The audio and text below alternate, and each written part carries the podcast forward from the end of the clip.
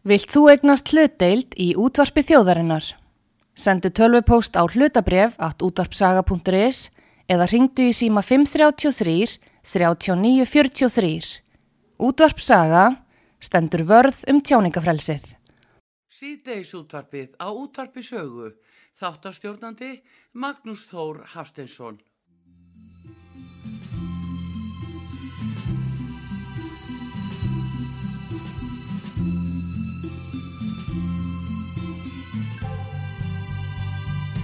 Seven lonely days and a dozen towns ago, I reached out one night and you were gone. Don't know why you'd run, what you're running to or from. All I know is I want to bring you home. So I'm walking in the rain, thumbing for a ride on this lonely Kentucky back road. I've loved you much too long. My love's too strong to let you go. Never knowing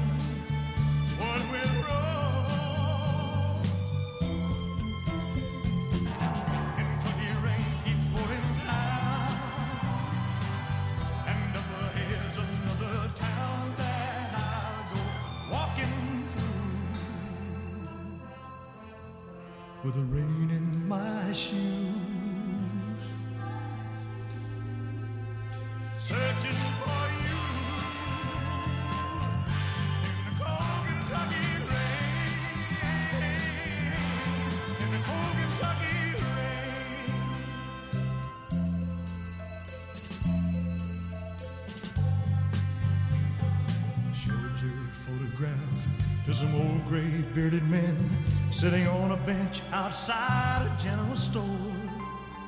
They said, Yes, she's been here, but their memory wasn't clear. Was it yesterday? No, wait, the day before. Finally got a ride with a preacher man who asked, Were you bound on such a cold, dark afternoon? Drove on through the rain, as he listened, I explained and he left me with a prayer that I'd find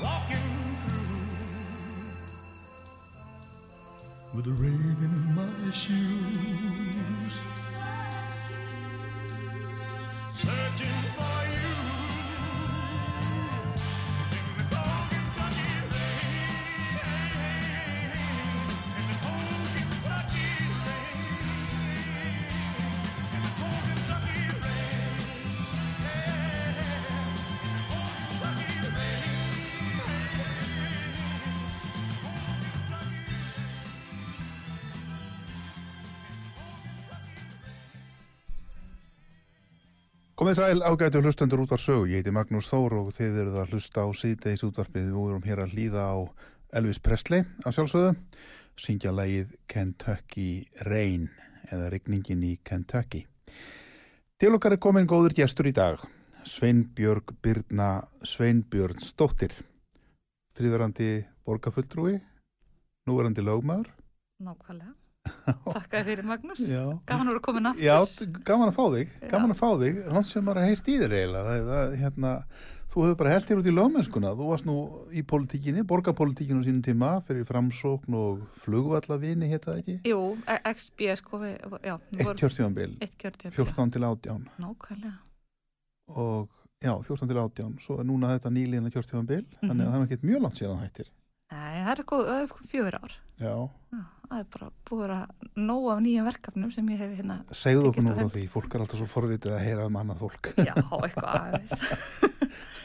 Já, ég hérna skellti mér í hérna uh, masternám, fór í MBA í Háskóla Íslands. Já, Alveg ótrúlega forréttindi að hérna að bara fá tækifæri til þess að fara aftur í skóla Þú varst búin með lögfræði sem sagt til BA-prófs þá eða hvað? Já, Eða- ég var búin með, þetta ég er? kandidatsprófi klára uh, veist, um aldamótin sko.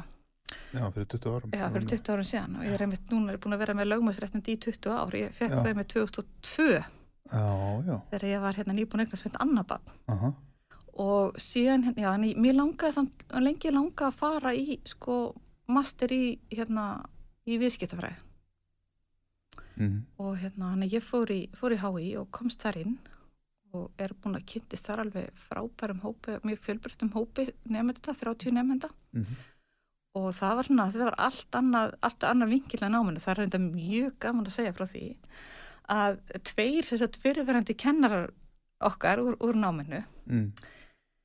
viltu giska í hvað frambóð, hérna fyrir hvað þeir fóru í frambóð síðan í vor, Nei, er erfitt. framsóknarflokkin Það er nefnilega það, já. er nú þannig að hún hérna Árelia, hún kend okkur kend okkur leiðtófræðin Já, og síðan var hérna uh, síðasti uh, kursin sem var svona einmitt framkomi í fjölmiðlum og eitthvað, ég var nú að reyna að spyrja hvort ég fengi ekki þú veist undan það og frá því. En þá var hann Einar Þorsteinsson að kenna. Já, já, já, þegar ég segi bara þú veist, há, hérna það, það voru bara mjög margir sem bara heitljust að framsóknarstefninu með því að koma að kenna okkur í MBA-námi í Háskóla Íslands Framkomi í fjölmjölun. uh -huh. Já, þetta vissi ég ekki.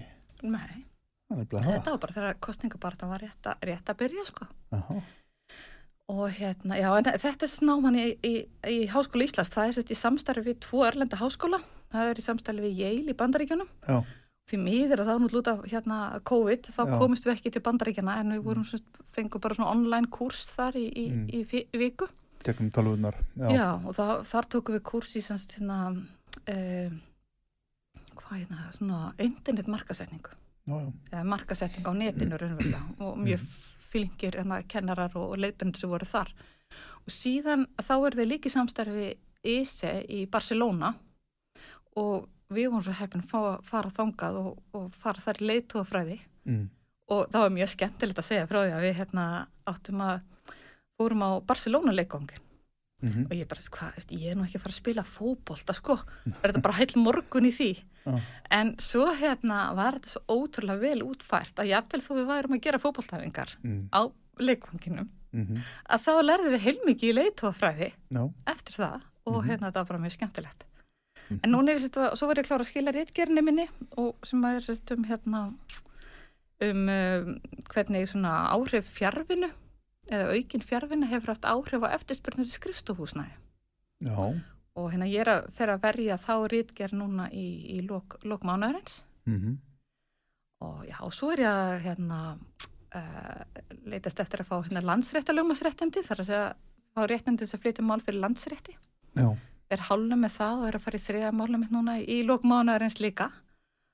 Eh, Er það, þurf- þurfum við að vinna einhver inn einhver stig þá eða hvað? Já, sko, fyrst er þetta að skila inn sem sagt hérna uh, beðinu til sísl, uh, sem sagt, já, til uh, síslumassis á Norðurlandi, ég held að sé fyrir austan, já, Já. Að, og yfirleitt yfir all mál sem það hefur flutt. Já, Síðan þegar hann er búin að fara yfir það, þá segir hann, já, fer hann yfir þau hvort þessi þess eðlis að þau uppfylli kröfunar og komið nógu viðtaka reynslu Mhm. og þá farið sérst heimil til þess að uh, óska eftir því að fara að flytja prómál fyrir landsrétti. já, já, og þá við að flytja sérst fjögur prómál til þess að fá hérna réttindin þar. Þannig að þú ert að fara að flytja því þriðja núna. Já, núna í lokum mánuðarins. Hvernig er það? Já, málið eða stemmingin. Bæ, bæði? Já, mér finnst það mjög skemmtilegt og mér finnst mjög, mjög gaman að flytja, flytja mál. Um, það er hérna, þetta er mál sem að er hérna, ég nú rægt það nú ekki hér að þetta er alltaf prómálum mitt, þannig að ég fæði að lána frá öðrum lögmanni. Já, en þetta er mjög þetta er ofinbært mál þar sem maður reynir á það hver ábyrð sko sest, bókara eða sérfræðings en þetta Já. er hendur bara bókari sem að ég vil meina sér ekki sérfræðingur því hann er hvorki viðkynntu bókari, ekki viðskiptafræðingur ekki lögkildar endurskóðandi eh, hvernig, hver, hver er ábyrð hans þegar skattinum eða skattskilin eru með röngum hætti? Já, og í hér að þá var þetta mál sest, var e, bókarinn dæmdur til jafn hárrar fésaktar eins og frangundastjórin eigandin, prókurhafin mm og, og hérna stjórnaformaði félagsins. Já, og, og bókarinn sem að var sko, það var nú ekki lunn þegar samband á milli þeirra. Mm, og hann hafði ekki mentun, hann hafði ekki einu starfstöð enga aðganga reikningum. Mm, þannig að það er spurning hvernig hérna að þetta mál fer, þetta er mjög áhört þetta, er mjög svona, þetta er hvað ég segja, þetta er fordæmisgefandi mál fyrir það hvernig ef, þú, ef við tökum á okkur að vera um, Hvað er bókarar. að draga línuna í sandin, það eru varandi ábyrð. já, Já, af því að lögin segja hver sá sem aðstóður við gerð hérna ráng skattframtals. Já, en þá þú veist, að hver sá sem það hlýtur að þurfa að vera einhvers sko tenging á því hvernig hann kemur að málin já, hinga til hefur verið ákjörtus löggildar endurskoðundur Já.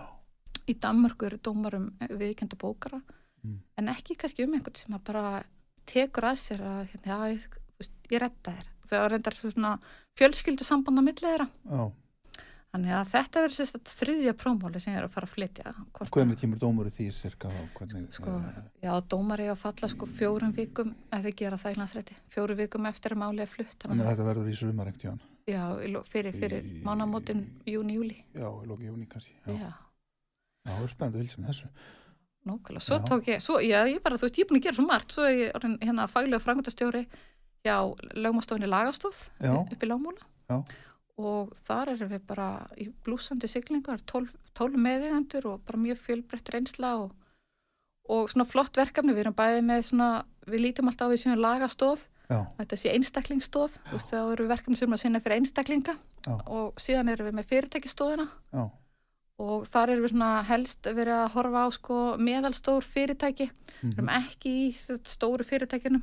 Já, og uh, síðan erum við mest ofnbjörnstofuna þar sem við erum aðstofa sem sagt hérna ofnbjörnstofnanir, þú veist, í að gæta þú veist, í, í réttandabartinu og yfirleitt þá bara málflutningi sko. Mhm, þannig að verkefnin eru kannski innin, unnin innan að stjórnsýslunar og svo þú veist er utan að koma til lögumæður þá ekki ríkislögumæður sem, sem flyttum máli mhm. og hérna, já það, það Þannig er að bara þú margt hefur bara verið á fullu frá því og varst í frambúðu fyrir fjórum árum. ég, ég, ég er alltaf á fulli sko Já. Segðu mér hérna aðeins frá, þú nefndir hérna áðan, eh, ég, ég greip á lofti hérna, þú talaður um þetta með eh, áhrif starfa á sem sagt, eftirsputn eftir skrifstofúsnæði, mm -hmm. fjárvinnslu starfa segja, eða, eða er, þetta er eitthvað frá því í, farsóttinni miklu, COVID eða hvað? Já, sko, þetta byrjar raunverulega miklu fyrr en það Já. verður svo mikið hröðun á þessu sagt, í COVID Já, og þess vegna notuðum við, þú raun og bara að mæla sko frá februar 2020 til februar 2022 uh -huh. en það, það verður alltaf gríðarlega mikið laukning og, og, fólk er að vinna heima á sér. Já, Já, en svo er það líka, þú veist, er það að vinna heima, veist, það er ekkit öllum gefið að vinna árangusrikt heima mm og það er heldur ekkit öllum stjórnendum gefið að stjórna árangusrikt fólk í fjárvinnu. mm. Þannig að svona, þetta, þe- þetta svona, jafnvægi milli heimilis og, og vinnu, Mm. það hérna var náttúrulega miklu óskýrara í, í þessari fjárvinnu og við höfum, og við höfum alveg séð að það er að, það er já, skjóta upp eins og gorkúlur, hérna svona, svona vinnustöður eða svona þekkingasettur eða höppar, Mm. bara eins og kjarvalstofan hérna nýra á Östustræti, það er komið betri stofan í Hafnafyrir, þá er þetta svona þessi fyrirtæki eða einstaklingar í, í rekstri geta keift sér aðgang að því að hafa skrifstofaðstöðu, hafa fundaraðstöðu, kannski einhverja matar og kafferaðstöðu Mm og, og, og vinnaðstöðu, en eru ekki sko með eitthvað fast borð. Veist, og bara bókar tvo tíma hér og fjóra tíma þar. Mm. og svona, þannig að við erum að, að sjá, sjá það líka og, og það er mjög áhugavert þess að með þessa fjárvinnu því að nú alltaf hefur sko fasteinaverð á, á höfbruksvæðin alltaf hækkað bara alveg gríðilega og, og hérna maður er svona spá alveg í hérna höfbruksvæði, þú veist, það er ekki bara höfbruksvæði nema við fyrir að skilgana höfbruksvæði á milli kvítána að tveggja þú veist, milli Mhm. borgarnes raunverulega og ölfus vegna, eða árborgar, þetta er orðið svo mikil hækkun bara á landinu öllu en, Já, en sérstaklega já. þessu svæði. Mm en svona, þegar við fórum að bera saman tölur frá vinnumálastofnun til dæmis og íbúatölur og íbúa fólksfjölgun að þá svona kemur í ljós að það er mikil aukning á störfum í Reykjavík og á höfbruksvæðinu sem við skilgrinu það, svona í þrengri skilgrinningu en það er ekki fólksfjölgun. Fólksfjölgun á móti á sér stað í nágranna sveitafélagunum veist, Akra, Akranesi, Borganesi uh, Ölfusi, Árborg austan- austan fjall Fraustafjall, og- alveg gríðarlega mikið þar. Já, og Sumi sjó líka. Já, að reynda sko Sumi sjó hefur aðeins nú vardóldi á nullinu alltaf út frá þeim tölur sem við skoðum. Kom, já, Já, þannig að þeir konar við ekki, ekki alveg tekið að það hefur, því þeir hafa bara stækka svo mikið óháð kannski fjärfin, það er það stutt á milli, sko, ég veit ekki alveg. En allavega, en það er svona komið róf í það að atvinna þurfa að fylgja sko hérna Búsetu. og þá spyr maður, þú veist, ætla, ég ætla að vona það að því minna stefna ríkistjórnarnir núna, þeir eru með svona stefnum störf óháð staðsetningu. Aha. það virðist hafa áhrif. En það er þá minnu það að sé verið að flytja stofnanir út á land við misjafnan fögnuð eins og við þekkjum Ég stofnaði að verða þá áfram hér í Reykjavík en við sjáum hins vegar að fólkið er að færast frá Reykjavík og út út á þessa, hvað ég að segja, þessa gerfinetti, það er að segja nákvæmlega sveitafélagin. Já, en, en líka alveg við mu- munum öruglega sjá alveg aukningu líka á þjættbíliskjörnunum bara eins og Ísafjörði, Akureyri Já, bara út um allt Sauðárkróki. land? Já, það er alveg teiknum það sko Er þetta framtíðin, framtíða þróunin? Munum við einmitt sjá það að einhver sem vill búa út á landi, það er náttúrulega marga kost að búa út á landi, kannski bara einhverju litlu þorpi, mm svona norður á ströndum eða einhver staða fyrir austan eða hvað það vill vera og, og, og, og geti bara unnið þar og, og hérna fyrir fyrirtæki sem er þá staðsett eða stofnun sem er staðsett í Reykjavík. það er nú ekki nýjustega rannsóknarinnar sem við gerðum að því það er bara of, sta, of, of lítið tímabild til þess að geta já, þannig já. álíktanir en, en þetta er rosalega áhugaveru punktur og Já. mér sýnir sko að með sko er stefna um hérna ljósvæðingu Íslands Ljósleðara veðingu, já, já, já. ljóslegar, já, ljós, í hvert fjós var það ekki Jú, jú, já, já. að sko hún er algjör grunnforsenda fyrir því að það geti orðið já. en síðan kom alltaf reglulega upp sko þessa innviða hérna vangaveltur og nú er ég bara, nú er ég fann að tala um pólitík sko en, Já, en svona þessa innviða vangaveltur, ég menna aðgengi að heilbyrðisjónustu, já. Veist, fólk gerir meik- meiri kröfur til þess heldur en áður, Mm. þannig að það verður þá allavega að tryggja einhvers konar þú veist, ef, ef að það á að vera að sé framtíðar búsett á þessum svæðum og þá er það bæði náttúrulega heilbyrðisjónustan og það eru á skóla þjónusta líka eins og fyrir Mm. börnin og, Mm. og samgöngunar Mm. Þannig, en ég held nú þetta sé nú, heyrist nú bara að vera fullt af góðum hlutum að, að gerast hérna í, hjá okkur þó að sum, sumt gerist hægar en, en maður vil, maður óskar sko. Já, en það sést þess að alveg greinlega að, að það er sagt, fólksfjölgun á allavega ákveðnum svæðum eins og má segja eins og fyrir austan fjall. Já. kannski upp á Skaga, jú upp á Skaga líka. Og, og, og, en- sagt og það sé þá kannski eins og þú segir tilkomið vegna þess að fólk hefur fengið þennan í, að geta unnið heima meira eða á sínu svæði fyrir mm Já, sko, í samtölum okkar, því við tókum líka viðtöl við þessi skiplasfulltrúa hjá sveitafélagunum og þau voru svona ímist eða bæði, bæði pólitíst kjörnur og síðan embætsmenn en þá merti maður einmitt að þeir töldu sko að allavega svona, það var, hefði áhrif að þessi fólksfjölgur sem hefði orðið í þeirra sveitafélagum hefði ekki geta átt sér stað Nei, að eins miklu leiti eða eins hratt uh ef að ekki væri vilji hjá svona mörgum fyrirtækjum að gefa fólki tækifæri á fjárvinu. Já. En þá erum við ekki, þeir eru tölum með tækifæri í fjárvinu, þá samt erum við ekki að tala um að það sé algjör 100% fjárvina. nei Heldur að þessi fólk að sé frekar að koma til Reykjavík að vinna í 2-3 dagi viku mm veist, Já, já, og keira þá millið eftir aðtökum hérna. Þú Veist, vera þá með aðra íbúið ég veit ekki alveg hvernig það spáinu hvað sé ekki Nei. það útvest en það var allavega rætt sko þetta er mjög áhugavert. Og þið allir þess að það þið verjið þessar reykjir þá hvenær sagður já, ég held séum, það eru mánaðamótin, hann er ekki komið dagsning á það en Nei, það verður mánaðamótin. Já, já, þannig að það er bara spennandi sko. Já. Svo saknaði ég svo að vera ekki í útvarpi sko. Þess að brána var að koma til ykkar aftur. Ég hérna við fórum að stað með podcast Já, það er það sem ég ætla að spyrja það. Þið fóruð hérna að stað með já, podcast eða hlaðvarp eins og það heitir. Hlaðvarpi, já. sem hægt er að heyra á Spotify meðal annars. já, bara helstu efni sveitum sko Helstu, helstu efnisveitum. Segðu okkur eins og Já. því. Já, þetta var svona hugmynd sko um, hvernig við getum einhvern veginn svona ég haf kannski borið einhverja svona þú veist, partlið samfélagslega ábyrð að koma á stað umræðum um svona málefni sem að snerta mjög marga einstaklinga eins og þú veist, erðamál hjúskaparmál og fastegnamál Mm dæmis og úr var það við hérna höfum samband við hérna Kífi, öllinskaskrifstofu eða markastofu og þeir eru með svona sett upp og eitthvað og við bara fórum að skell tókum upp þætti og, á, og hugmynd eða þess að verkefni er raunverulega að þú getur hlustað á hana þátt Já. til dæmis eins og umærðamál Mm. og það svarar raunverulega svona flestum þeim spurningum sem að þú hefur Já.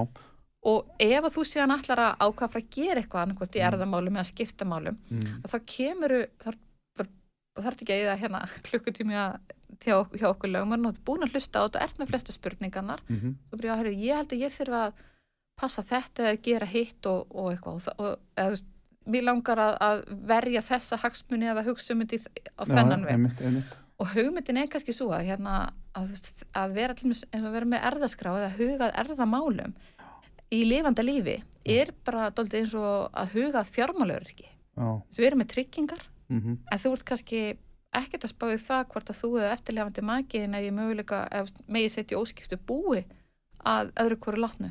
Nei, þetta er kannski eitthvað sem fólk vil líta undan sér og finnst eitthvað þeim svo fjarlægt að en Já. náttúrulega öll degju við að lókum. það er bara svo pappi segir, bara eina sem er örugt í þessu lífi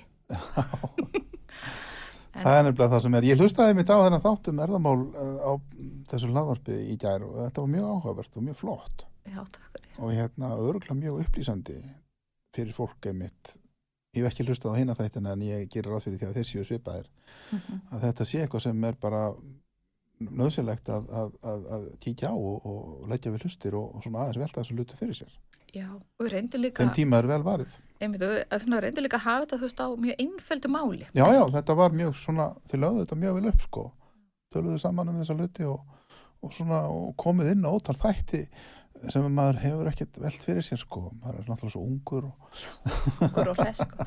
Nei, það er lítið bara eins og veist, ég er, ég er samsettir fjölskyldu þú veist, já, þú erum- nefnir talaður um það. Já. Já, og það er náttúrulega bara er staðrænt á Íslandi er mjög mikið að fólk eigi stjúböð þú veist, í bá, já, báðum já, megin já. og þessi hlutir sko eru sest, flækja mjög svona þessi þessi hefðbundu erðamál sko Mm. var, var ekkit svona mikið hérna áður fyrir þannig að, að við erum að fá mjög mikið af spurningum um stjúpfjölskyldur sko og teng, tengsl við það eru þið mikið að vinna í svona málum á lögmanstofunni? Nei, þetta er, þetta er þessi einstaklingstóð Úst, er svona, við erum að þjónusta hérna fólk með, með þessum að, jú, það er alveg hvað ég? Segja, jú, það er alveg mjög mikið um að fólk sé að koma og gera, hérna, fá að gera erðaskrár Já, um, þannig að ég veit ekki hvað maður að segja, hversu stór, stór þetta er ekkert stór hlut að tekjunum hjá okkur. Nei, en þetta er svona, svona gaman að, þú veist, hitta fólk gaman að geta hjálpaði, gaman að geta veitt í hugaró já, að því að svo, og það sem plúsin er að þú veist í lögmennsku, þá er maður oft í svona mjög lengi hverju einasta máli. Tekur mörg ára að reyka þau. Mm, þannig að það er hérna fyrir það er svona ofta rosa gaman að fá svona verkefni og bara klára, geta þetta klára strax. Já, einmitt, eitthvað svona afmarkað. já, Já, já. En þetta er alltaf að finna þá undir, já, hvernig á maður að leita, undir lagastóð eða hvað, á þessum efnisvitum, þá finnir maður þetta, ég fann það þannig reyndar á já, ég held Spotify, bara ég nota það mest, sko. já, einmitt, já, bara, já, Ég fann ég, þetta strax, sko. ég var eitthvað skoð um daginn og ég googlaði mynd bara, eða setti eitthvað laga stóð held Mm. ég, og hlaðvarp Já, og þá kom bara upp, þetta er einhverju fleiri veitum líka já, sko. já, það er fullt af svona veitum út um allt, sko. Já, einmitt. Þannig að þið ætlið að halda þessu áfram? Já, við ætlum, eigum allavega eftir að taka upp fjóra þætti í, í viðbót Mm. og við settum einmitt inn á og við erum með þess að hérna Facebook síðu Mm. og settum inn sko svona hvað fólk vill að sé spurt um. Já, og hérna þá gæt það hérna, svara því við gerðum það fyrir þetta þannig að við ætlum að fara áður við tökum næstu fjóra þá ætlum við að fara með það í gang. Það heitir, heitir erðamál held ég undir Facebook. Mm og það, það, það er svona langar að taka það sem er brennur á fólki sko. Svona, allavega einhverju hlaðarfsætti stafn að fara einhverju mjög flókna lögfræði sko. Já. Ég sé að þið eru hérna með, sko, þessi þættir sem eru komnir, opinber innkaup, fjármál, mm -hmm. fjár, fjármál fyrirtækja og fyrirtækja rekstur minni og meðalstóra fyrirtækja Já, og svo les. þá fengum við til okkar sko gest sem heitir hérna Solveig Gunnarsdóttir Aha. og er hérna yðræstra fræðingur og MBA og Já. hún er hún er svona sjálfsta starfandi uh, ráðgjafi uh, í, í hérna, hvað er, er þetta ekki gigggeirinn já. Og hérna hún Giggeirinn, tónleikahald og svo les. Nei, heitir ekki, heitir ekki gigg að vera hérna, núna kallaðast að vera hérna, ég held ekki að fara með rétt þeir eru sem er svo hobla, húbla. Það er svona, þú getur ráðið svona sérfræðing inn í vinnu til þín bara í, vantar, þú veist, Já, fjármálaráðgjafa í ákveð verkefni, fyrirtæki er ekki tilbúið að, þú veist, ráða fjármálaráðgjafa í, í, Mhm, til mhm. ótíðanbundi Nei. eða lögfræðing að það getur fengið bara kemur inn og vinnur fyrir því í stuttan tíma. Já, já, ok. en allavega hún Solveig Consulting, hún kom til okkar og Mm. það var mjög hægt því hún var svona að tala um sem sagt hérna bara svona fjár, hvenær þetta byrja að spara? Get, hvernig getum við lagt inn hjá börnunum okkar að fara að byrja að spara? Mhm, í hvað er gott að hvernig hagar eru lánveit, þú veist, þú ert að taka lán þú veist, út frá verðbólgu og hún, hún talar um þetta mjög líka svona á auðveldu máli. Já, og við hefum hana hún er mjög flott og það var gaman að fá hana hún kom sérst í þess að tvo þætti mhm. til okkar, Solveig Gunnarsdóttir Um fjármál og fjármála ráðgjöf. Já. Svo er þetta með sambúðar og hjúskaparmál. já, það er hérna Það er nú jarðsprengjusvæði, er það ekki? jú, það er nefnilega það, það er þannig að hérna, það er auðvitað hægt að huga að því að það verði minna jærsprengju eins og segi þegar að fólk skilur eða hættir sambúð Já, og það er náttúrulega eftir að fastinamarkaðan hækka svona mikið, þá er þetta mjög mikið um það núna, eða meira um það að, að foreldrar er að styðja börni sín við að koma inn, í, já. inn á markaðin Mhm, og þannig er vel að velta upp fyrir okkur, veist, er betra þá að foreldrar þú veist, eigi hlut í eigninni eða á þetta að vera á skuldabrifi hvernig ætla við að gera samningin þú veist, ef að Mm. segjum að að hérna hjónin eða sambúð fólki eigi þetta saman. Mhm, A er með 75% Já, en B er með, með 25 mhm, ok, og þau ætla að borga 50-50 á lánunum, svo hækkar eignin hvernig á að skipta því? Og að skipta því 75-25 mhm, þannig að við svona förum yfir alls konar leiðir og lausnir af því, mhm. en auðvitað náttúrulega á endana þá kemur kannski og byður lögmannum að drafta upp gera samningin fyrir þig.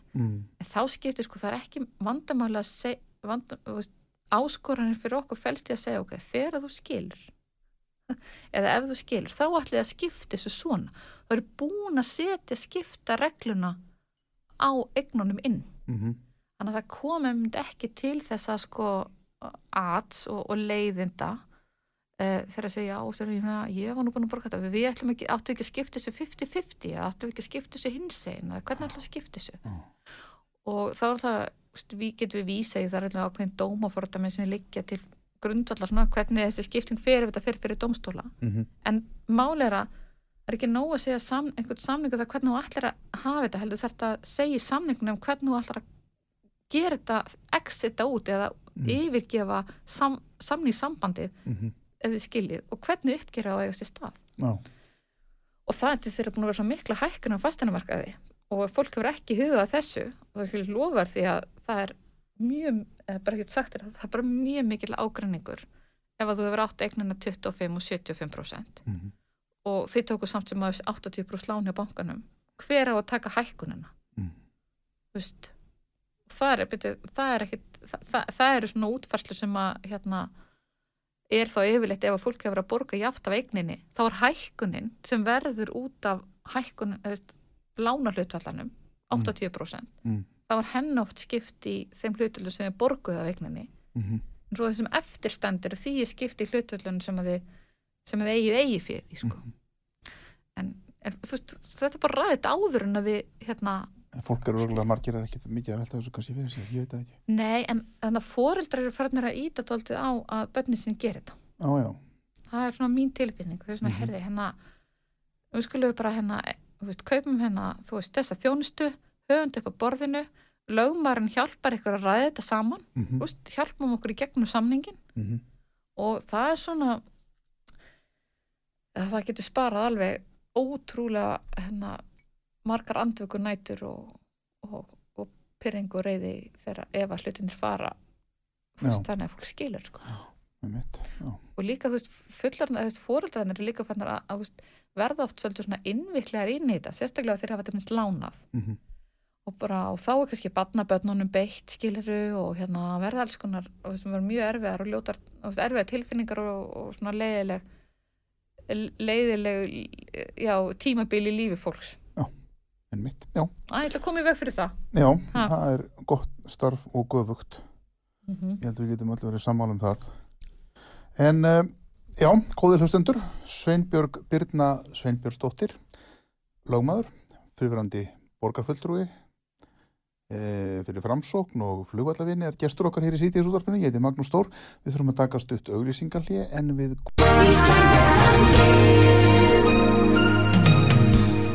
Styrtareikningur útvarpsögu í Íslandsbanka á Granda. Útubú 513, höfubók 26, reikningur 2.11.11. Nánari upplýsingar á útvarpsaga.is. Takk fyrir stöðningin. Komum aftur að vörmu spori.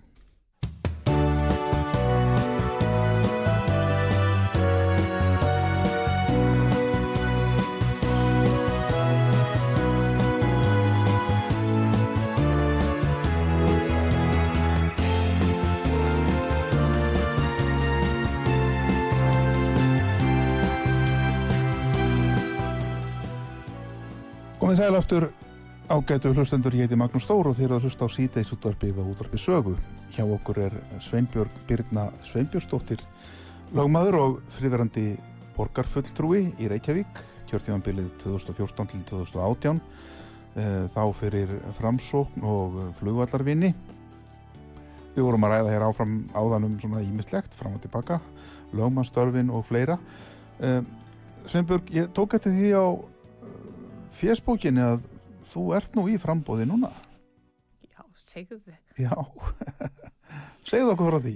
Já, herði, ég hérna var beðin um að- gefa kosta mér í að taka, að bjóða mig fram í stjórn frjálsa lífverðisjósins Já, og hérna þar hafa verið sko uh, hvað ég segja, já, frjálsi lífverðisjóðurinn uh, hefur haft mjög öflugt aðhald af hálfu hérna nokkura sjóðfélaga bara yfir, yfir 20 ár sem að eru hérna og gengu held ég undir nafnu stundum frelsum frjálsa. Mhm, og hérna ég fór sér satt fram með, með þeim í, í frambóð núna eða bara, þú veist, þeir eru sambandum og ég, eða, mér langar alveg að taka þátt í þessu skulum ekki miskilja það. Um, og af hverju, þú veist ef hann akkur skiptir máli til hver situr í lífverðisjónuðinu já. Ertu að meina frelsum frjálsa, er þetta einhvers konar svona stjórnarnanstöðuhópur, sem að segja? ég held að hérna að allavega sko stjórn og frangvöldastjórn hérna frjálsa upplifir það örgulega þannig og, og líka sko rekstrar félag sjóðsins Já, er þannig að sko öfugt til dæmis eins og lífyrsjó vestlunumanna sem er bara með skrifstofu og, og hérna, starfsfólk hjá lífyrsjó vestlunumanna mm, að það útvistar hérna uh, frjálsi öllum verkefninu er bara með rekstrasamning við Arjónbanka já, já, þannig að, að þú ringir bara þú veist, það, það er bara allt innan Arjónbanka þar og, og hérna og það hafa svona verið hérna fyrstulega var þess að stjórnin uppaflega skipuð af uh, Arjónbanka hvernig, bara tilnefndir, bara tilnefndir af því? Á bara í samþyktunum að bankinu er bara með þennan sjóð og sér bara um að stýra honum og, og, og hefur þar að leiðandi líka ákvörnavald um það hverjir eigi þá að vera í stjórnum, að Já, já, síðan í gegnum tíðina þá hefur þarna, þessi svona minniluti sjóðfélaga uh, reynd að gera sér gildandi og benda á að þetta sé kannski ekki eðlilegt sko samband. Mm, það er að segja uh, eðlilegt samband og óeðlilegt samband. Þetta er allavega samband sem er veist, til þess fallið að það- sé að setja svona réttmæti spurningar við kannski ímislegt mm, og hérna og stjórnin hefur sko samkvæmt eh, já, síðan, síðan náðist það að stjórnin ætti að vera skipuð af sjóðfélögum. Svo bara mæta náttúrulega mjög fái sjóðfélagar á fundi. Mm, en núna þetta í fyrsta skipti eru rafrænar atkvæðagreislur já, já, og við sáum það bara núna í síðasta mánu þá var, var almenni lífyrirsjóðurinn, hann var í fyrsta skipti með hérna atkvæðagreislu rafrænt. Mm, og það var fjórfæld kjörsókn. Með við það sem hafi verið áður. já, með það sem hafi verið áður.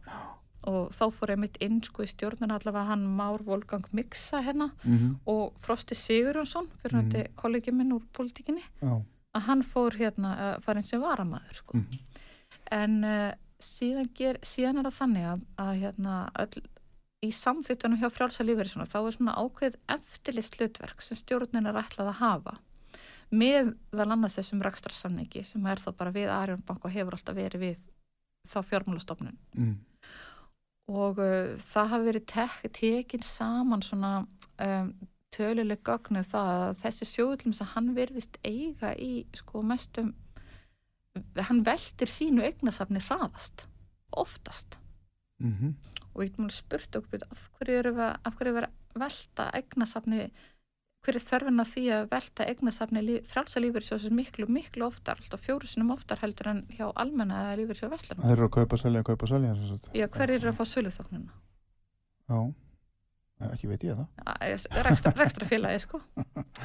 já, já, Já, já, ég stíl, já, það er sko, en síðan hérna er nú áhugavert að ég, eh, ekki það að ég hafi nú leiði yfir útreikningu, það er nú hann að verkfræðingar með mér og við tókum sér svona meðal hérna águstun sko, eða sérst hverju það myndi skil ef við tækjum síðustu fjögur ár Mm og myndum skoða hvernig águstun hefur verið þar og hverju það myndi skila einhverju sem byrjaði að vinna 25 ára mm, og þegar hann hætti að vinna 67 ára. Mm, og miðað við þá útreikninga þá kom bara frálsilífur svona ekki nógu vel út. Hann kom bara langt, hann bara 150% lægur heldur lífur svo við vestlunum já, en svo hérna svaraði nú svo ákvað nú hérna stjórnin að skrifa, skella saman í grein. Mm, og eða núverandi stjórn, já, og setti þetta inn á frétta vef frjálsa. Já, og svo kom grein í dag þar þeir eru að segja að þetta sé nú ekki svona. Það er að miða við 20 ára tímabil já, þetta er grein í morgunblæðin í dag. Já, ég greinir mokkanum í dag sko, þegar með við 20 ára tímabil, það sé Mm. miklu betra. En það er kannski bara, þetta er alltaf þeirra stjórnatími þeir eru allir búin að vera hérna í, í 12 ár pluss og stjórnaforman í 20 ár. Mm, og flestum myndunum finnast að vera alveg orðin komið tími á endin í já. Mm. þannig að þið eru þá einhver hópur fólk sem býður sér fram núna eða hvað? Við erum tvö sem erum óháðu frambóði það er sett ég og Yngvi Harðason sem er, og eru þið þá þar engangu í frambæð vegna þess að þið eru félagar í þessum lífriðsjóði eða hvað? Já, við, eh, við, höfum, við erum félagar í honum og það er nú Já. forsenda fyrir því. En Já. svo náttúrulega hef, eh, hef ég allavega bara En það er enginn á bakvið ykkur eða neitt svoleiðis, ekkert neitt svona eitthvað, eitthvað svona fjármunatengt eitthvað þannig. E, já, eitthvað þannig, Nei, þetta er bara sjóðfélagarnir sem að eru, það eru sjóðfélaga hópur sem ég er að vinna með Já. þú veist sem er með einmitt hérna Facebook síðan að frelsum frjálsa já, akkurat, já, og þá er nú alltaf verið að vísa til þess að svona að það sé allavega öllum sko sjóðum bara holta þú veist, kannski efna til útbús eða aðtökurt einhver annar geti gert betur skilur Mm, þú veist, mhm. og hvernig ætlum við að hafa áhættuna versus, þú veist, ávöxtunna mm, og það svíður þetta mjög marga uh, þá hérna niðurst að þú veist að frjálsi þurfti að afskrifa marga miljardar út, út af því að hann fjárfesti í sko sílikonversmiðinni hann í, Keflavík. Og þá er alveg spurning, þú veist, er það hvernig, veist, og Arjónbanki var nú bara sektaður af fjármáleftilitinu, þú veist, fyrir það hvernig hann stóðu þeirri kynningu, hvað þú veist, lífyrirsjóðan sem fjárfestu í þessu. Og, og lífriðsjóð sem var í vörslu Arjón, já, banka einmitt, og allir bara í kaffestofinu saman. Já, Þannig að kannski svona kínavikir, mástu, hljómar það eitthvað kunnuleg, svona já. 2000, og- hljómar það eitthvað svona 2006, 7. já, já, Þannig að það virðist ekkert mikið um kínaviki, sko. nei Og svo svona líka, þú veist, held ég líka, og ég skal alveg viðkenna það, þegar þessi Íslandsbanka fór, Íslandsbankasala, núna Já. hinn síðari, mm þú veist, það er svona bara, veist, erum við bara ennþá þarna? Og hvernig er þetta með frjálsa? Hvernig er þetta með lífyrirsjóðan? Þú veist, mm, með flestir upplöðu það eftir síðasta hrun þegar hérna, það var svona þessi svipu teikna lofti núna eins og voru þá mm, að það sé hérna þú veist þá þyrftu lífyrirsjóðunir að skerða lífyrisréttindi og, og þú veist það var gríðarlega mikið tap. Já, já, vissulega, vissulega. Þannig að það, já, Yngvi, Yngvi Harðarsson er, er mjög flottur, hann er hagfræðingur og hérna á analytika já, og er hérna mjög þú veist, já, hann er með þér í, hann er líka í frambúði já, hann er ekkert með mér en, nei, hann, en hann, þið eru bæði sem sagt, eru fleiri frambjóðundur þá eru, Já, svo eru þess að þrýr núna sem að eru í frambúðu líka sem að eru búin að sitja í stjórninu og voru Já. uppáðlega skipar aðrambúku. Það eru þessi þrjú sem eru hérna höfundar að greinni. já, Það er Bolvíkingurinn Já. eins og hann Elias Jónatansson. já, Ég held nú við reykjum að ætti okkar eitthvað inn í, inn í djúb á Kvítanes. já, Svo er hann hvað, ég er nú fann að sjá Elva Elin Þorstesdóttir, hún er mitt vinnur hjá, hjá Árvakri, fjármálastjóri Árvakurs já, og Jón Guðni Kristjánsson. já, Já, ég hérna, Þetta eru þrýr, er þetta þrýr stjórnamenn, það ljóta að vera fleiri stjórnmenn en þessi þrýr eða hvað? jú, það, það er bara skipt um sérst á einhver svona, einhver ára fresti, þú veist, þannig að nú losna þrjú stjórnasæti. Já, já, Svo það kannski rótirar tvö- svoleiðis. Já, að það eru sjö, sjö aðalmenn í stjórn og Mhm. þrýr varamenn. Mhm. Og Hvað er þetta stór sjóður? Er, er þetta, 400 miljardar. Það er nefnilega það? Já, þetta er alveg Mhm. slatti, sko. Já. Þannig Og munum við sjá, það verður kosið að, að, að kostningafrestur rennur út hvenar, nú Já. í lok mæi eða hvað? Nei, sko, þetta er bara alltaf gerast, sko, kostningin stendur yfir þess núna. Það er það að gera það rafrænt, bara En- já, á í tölvunni? Já, en já, í símanum, frjálsi.is. Já, bara skráðin með rafrun skilríkjum og þetta, hún stendur opinn til sem sagt sko hádegis á sunnudaginn til klukkan 12 sunnudaginn 22. mæ já, já. og þá lokast rafrunarkostningin Mm og síðan er aðalfundin á mánudskvöldi Og þá verður gert, eða tilkynnt um þá niðurstöður. verður tilkynnti niðurstöður en það er enda mjög sérstakt að, að það verður líka hægt að kjósa með hérna á staðnum þannig að ef þú vilt koma á staðin og kjósa Það er þetta smala á fundin. Mm. já það hefur nefnilega verið það hefur náttúrulega verið umbóðsöfnin í gangi sko Já, Já, já, það er alveg þykir bunkar á umbóðum. nú geta menn mætt með umboð. Já. Alltaf veitum mér umbóð. Ertu... Og bara þeir sem að vilja, vilja bara misnota aðstöðu mín. þeir sem vilja, þeir geta sendt sko tölvupost á frelsum frjálsa, Já. gemil og, og, og sendt okkur umbóð. Og gildir það? Er, Já. Það gildir. þarf ekki að vilja þín einu undirskrift eða neitt? Jú, jú, það þarf að vera undirskrift á umbóð. Það- er sérst inn á síðinni hjá frjálsa, Já. er umbóð sem hægt er að nota. Þú getur prenta það út og Já, já. skrifa það á. Já, ég skil. En ég með það alltaf miklu að þau vildar að kjósa bara rafrænt. Já, eh, býður svona umbóðsveisin ekki upp á bara eitthvað rugl eða hvað? Jú, eða, veist, það er allavega hætta því, sko, það verður alltaf sérstakt, sko, ef við skoðum hérna, Eru menn að hlaupa á milli húsa núna með þessi stjöl á milli handana til að safna Já, umbóðum? þetta sé bara- ég held sé bara á, á hérna, rúluskautum, sko. Verður hérna, þetta verður spennandi, þetta verður spennandi kostningar. Ég er svo reyfin af spennandi kostningum. Já, ég, þú verður bara, hérna, þú verður bara koma sér gestur á, hérna, ef þú ert ekki sjóðfélagi frjáls. já, vera að fluga á vegnum. Já, Já, nei, nei, svo er alltaf alls konar hlutir, þú sem eru að hafa áhrif núna, menn það eru hækkandi vakstasti, ekki bara á Íslandi, heldur bara í heiminum öllum. jú, jú, mikið lósk. Verðbólgan er að, að hérna, tikka inn. Hún er bara, Já, ég mennur eitthvað að spá en ég pú, ég, ég held að vita enginn hvernig þetta fer, sko. Nei, og, einmitt, og svo, þú veist, er náttúrulega hækkandi lífaldur líka, þannig að álægð á líf, lífrisjóður þarf svona að huga að mjög mörgum þáttum núna Mm. í, í því að verja réttindi og tryggja réttindi, þú veist, sinna sjóðfélaga sem mest og best, sko. Já, og siglaðum gegnum hugsanlega kreppu, sko, ég meina, það er tala reynd út út um þetta, þetta er, þetta er ekki, það er allavega full ástæða til að stíga valið allir jarðar, sem má segja, sko, á næstunni. Mm. Heldur betur, tölum bara íslensku. Já, Ha, það er daldið svona 2006 líkt í loftinu. Já, og, og svona dökkskífið sjóldinarhingin, Já, eh, samfara því, það, þessi óbúðslega dýrtíð og, og verðbólga og já, já, það er eins og allt sé að hækka, bensinlítirinn er fyrir að nálgast 350 gallin. nákvæmlega. Og svo, Ah. svo voruð náttúrulega að tala um að það vantaði svo mikið fólk í sko, ferðarþjónustuna og, og Já, já. núna og þetta er samt svona og hvernig verður með þess að kjara samninga sem maður að lausir eða er að já, sko þegar að hérna vaxtastíði hefur verið að hækka ég menn hann sagði það nú held ég hann uh, var ekki Ragnar í Vaffer eða en Vilhjálmur og veist að þeir munu, munu sækja þetta sko já, ég heyri það, þeir voru mjög hörgáir og ákveðnir og hérna eins og þeir eru vonu að vísa. Já. Uh, en plúsarnir eru kannski það að það eru hækkanir á, til dæmis fiskur eru að hækka mjög í verði. Uh, álið hefur verið í góðri þróun og þannig að þetta eru svona plúsar líka og ferðarþjónustan verðist vera að taka mjög vel í sér. Já, það var náttúrulega alveg bara þú veist, verður bara frábært fyrir okkur að þetta myndi allt saman kannski bara, fáum við túristakoss já, heldur, heldur að það gæti nú verið Já, ég ætla að vona það ekki meira. Nei, já, hann er alveg áhyggjur það var ekki jarðskjallan um helgina menn, voru, menn voru að tala menn fannir að tala hér bara ofinskátt hátt og snjált um að það geti bara komið jarðskjált upp á, á 6 koma eitthvað. Já, þú meinar, já emitt, það Það er- verður nú ekkert grín ef það verður. Hefur þið lesið hérna bókina, heldur hann heiti Eldarnir eftir hann að Sigriði Hagalín, nei ég á eftir að lesa það Já, ég bara, er hún góð? já, hún er bara svona þú veist, auðvitað er þetta skaldsaga og það Já. koma hana, hérna, já, mér fannst hún mjög góð. Já, Og mér fannst hún svona mig, ég segi bara, herði, það ekki, ekki bara flytja vestur og fyrir ekki sem mig. já, já. Svo settum mennið jarðskjaldamæla við Snæfellsjökul og, og hérna og, og það bara rennur allt í nöfðið um að hérna er bara bullandi virkni. Hér er jörðin að stjálfa líka reyndar út í sjó sko en það er sama. Já, ok.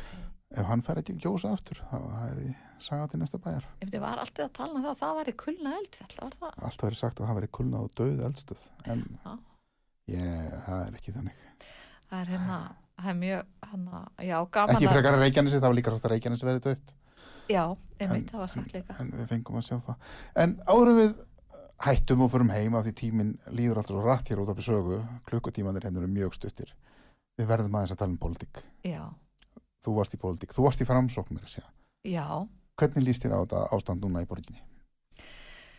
Er þetta að meina þá svona nú samninga viðræðnar og, og það allt saman? Já, eða og bara kostninga niðurstöðunar og almennt, þú náttúrulega hefur reynslu úr þessum Já, heimi, já. þú ert innanbúðarkona úr ráðhúsinu, sem að segja, og það hefur ekki verið þær núna í einn Fjögur ár. fjögur ár.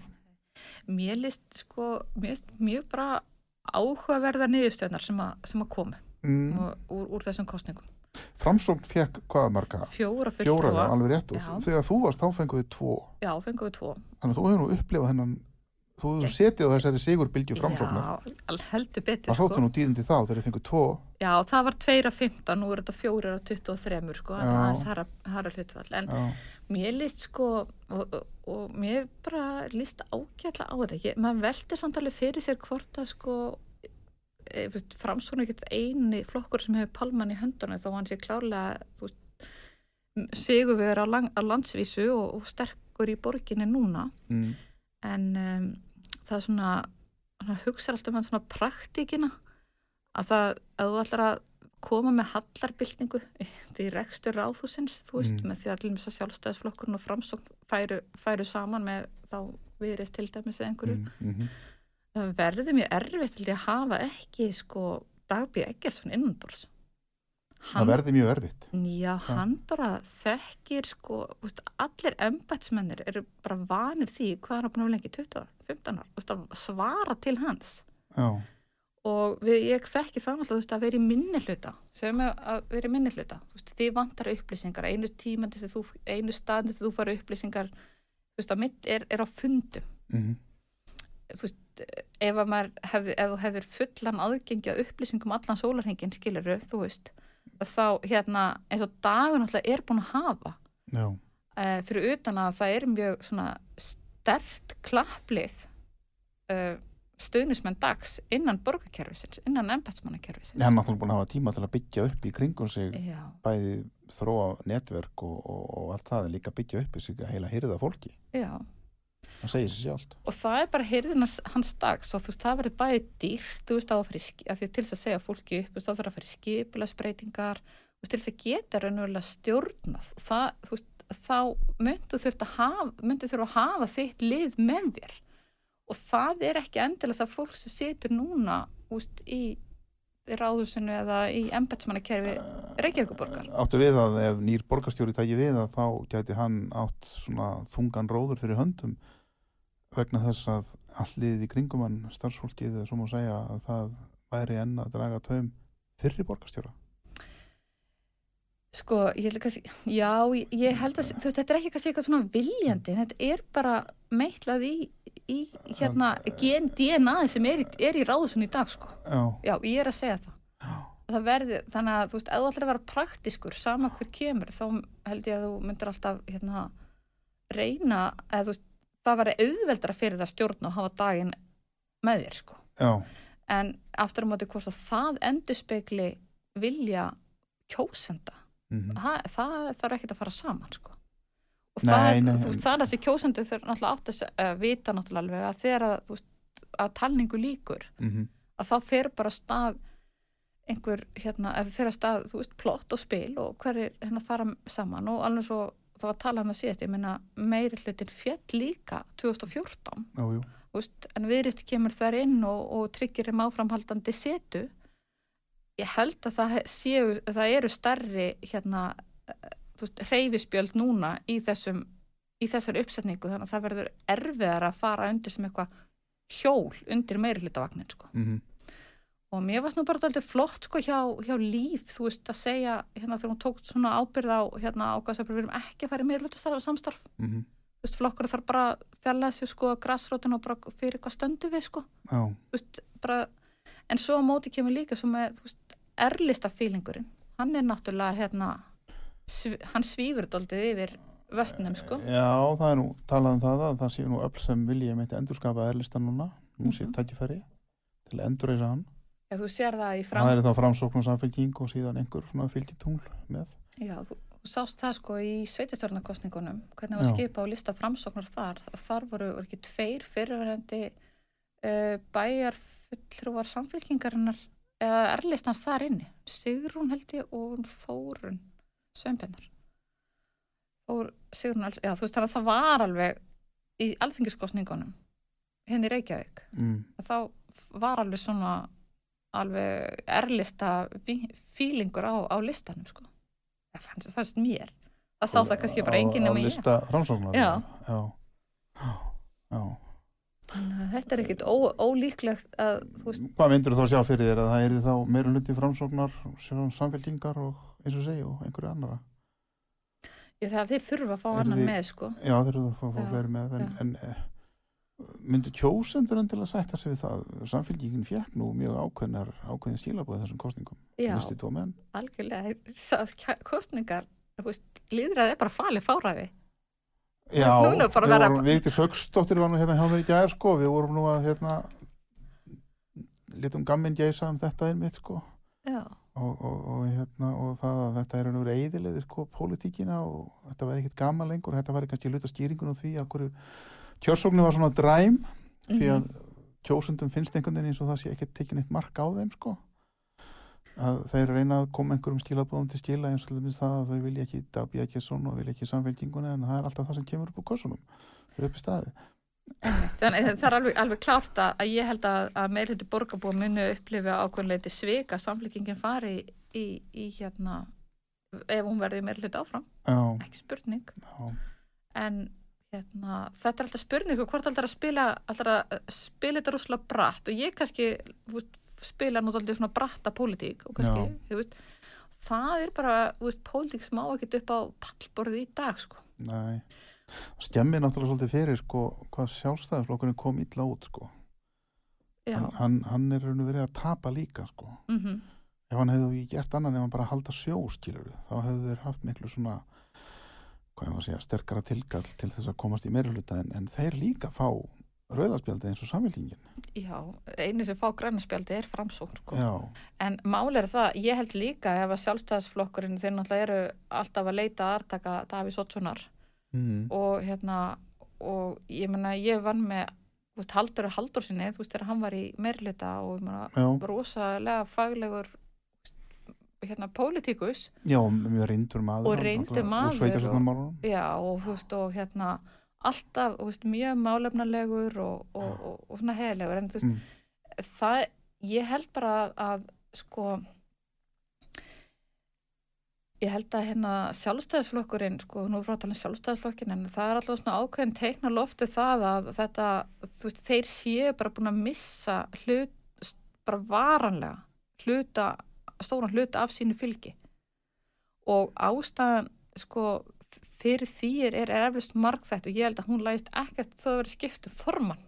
Nei, þú veist, það er hérna veist, fólk er ekki eins trútt því að kjósa eitthvað sem að hérna nei, við sjáum það náttúrulega bara á já, já, og svo núna, ég meina sko, stjætt auðmanna er sömu vilja segja hún sé alltaf að stækka ég vil segja hún sé bara þrengjast sko.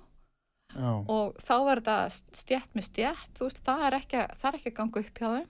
Mm, uh, þannig að ég svona, það er svona erfitt að sjá hvar sjálfstæðisflokkurinn ætlar að fara að sækja eitthvað flökku fylgi annan það sem hefur að flæða að milli framsókn og sjálfstæðisflokksins í ára tíu sko. já, Þannig að ef að sjálfstæðisflokkurinn hefði fengið blúsandi góða kostningu þá hefði framsóknarflokkurinn fengið læri, minni kostningu. já Þó þeir eru að fiska í sama menginu Að, að í þessu flökkamengi held ég að það sé, já, og svo náttúrulega fer niðurflokkurinn ég menna, þú veist, Ómar er líka mjög frambarlega hjá miðflokknum í þessum kostningum Já, viðflokkurinn var með bara ágæta bara príðis fólki í frambóði hérna á höfuborgarsvæðan, ég tók nú viðtölu við nokkur þeirra hérna og, og þetta var fínasta fólk og bauða sér mjög fínan þokka og allt og hérna og ég í raun og veru sko var bara mjög hissa því hvað miðflokknum gekk í raun og veru illa sko. Já, og Einmitt. þeir eru kannski að klíma þar við kannski einhverja arfleið frá klustri eða eitthvað svoleiðis, ég veit það ekki en en, en, en uh, þetta var uh, mér finnst þetta vola skrítið. Bara eins og Siggi Stormur í Hafnafyrði að, hérna, sitjandi bæjafulltrúar skilur sem, sem, sem, menn sem voru kom, fólk sem var komið reynslu og einmitt, og það sama gerist held ég Árborg líka, hérna, trösti held ég. já, þar, einmitt, sko, einmitt. Nei, það, þú veist, sko það sem er samt skemmtilegt af þessu pólitík og við erum alltaf að trúa því, veist, það eru allir að fara, fólk er gott, veist, það ætti að láta gott af sér leiða. Já, Okkur já. greinir bara á um, að, að, um hérna aðferna því hvað er, er gott, sko. mm -hmm, Og ég held að hérna, auðvitað verður, veist, dreifing atkvæður mjög mikið, veist, af, af frambóðum. Mér Mhm. finnst alveg skrít, þú veist, það er ótrúlegt að vinstri grænir séu komnir svona látt inn í borginni með að vera með sitjandi fósitræður að, þú veist, annað kjörtíðabilið í röð, sko. var ekki er náttúrulega bara er að blæða bara út hægt og rólega, það er bara þannig Já, og ég, gengur hef, ítla í þingkostningum, gengur ítla í borgarstundan eða sveitastundan kostningum og bara flokkunum virðist bara vera að veikjast bara frá deil dags. já, svo held ég, ég, ég hafði alveg trú á því að, að viðrist myndi hérna, koma sterkar inn og myndi ná tveimur, Já, en, en það hérna, uh, var Pavel hefur alveg, hann hefur staðið sig bara við ágætlega í skipulega svinninu, sko, þó hann við séum ekki til að hann er ekki einhver samnefnari fyrir alla hérna, fyrir alla þess að þéttingu byggðar og, og það er ekki Mhm. bara einhver eitt sem er ábyrgu fyrir því.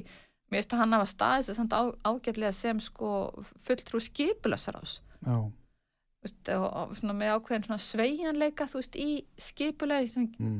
svona hans hugmyndafræði ég, en, en allavega en, veist, það, er, það er bara einn nú bara Þórti Slóa sem komst inn þar sko mm og hérna það er nú má alveg fara að spyrja sig hvort það fara að vera kvennastorf að vera í pólitík ég veit ekki.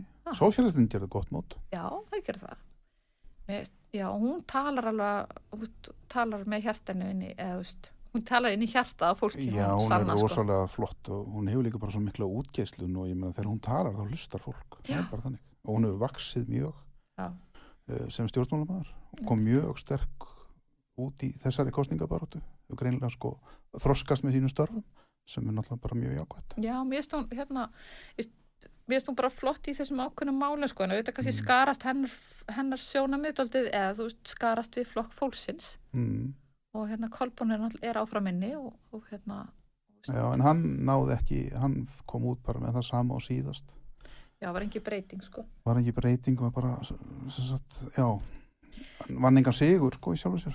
en ég velti alveg fyrir mér sko í sveitastjórnarkostningunum núna þú veist þessi litla kjörsó Mm. ekki bara höfbruksvæðin sko Hún er stór alvarlegt mál. já, hún er og þú veist, það er svona ég heyrði eitthvað, ég man ekki hvað ég hlusta bara út af þegar ég var að keira í bílnum, þá var að tala um að að þurftum að láta alla vita sem koma til landsins að þeir eru rétt á að kjósa eftir eitt x tíma og eitthvað svona, og ég, ég er alveg sammálið því en, en mér finnst hann skipta miklu meira máli að þú veist að innan skólakerfins þess að þá hérna svona vinnum við meira með bara í uppeldin á börnunum okkar bara hvað þetta já. skiptir miklu máli að Einmitt. nýta sér þennan rétt Mm hann er ekki sjálfgefin þú veist, við höfum þurft að berjast fyrir honum. Já, já, já, þú veist, bæði við Íslandingar skiliru og svo náttúrulega, þú veist, hérna, konur að fá að kjósa já, já, að þetta er eiginlega hálfpartin sko vannvirðing við, uh, þú veist, baráttu fyrir kynnslóða að mæti ekki á kjörst einmitt, einmitt. og hérna, og nú ætla ég að þú veist, ég finnst, ég held líka svona að það, hérna kannski það er þessi globalismi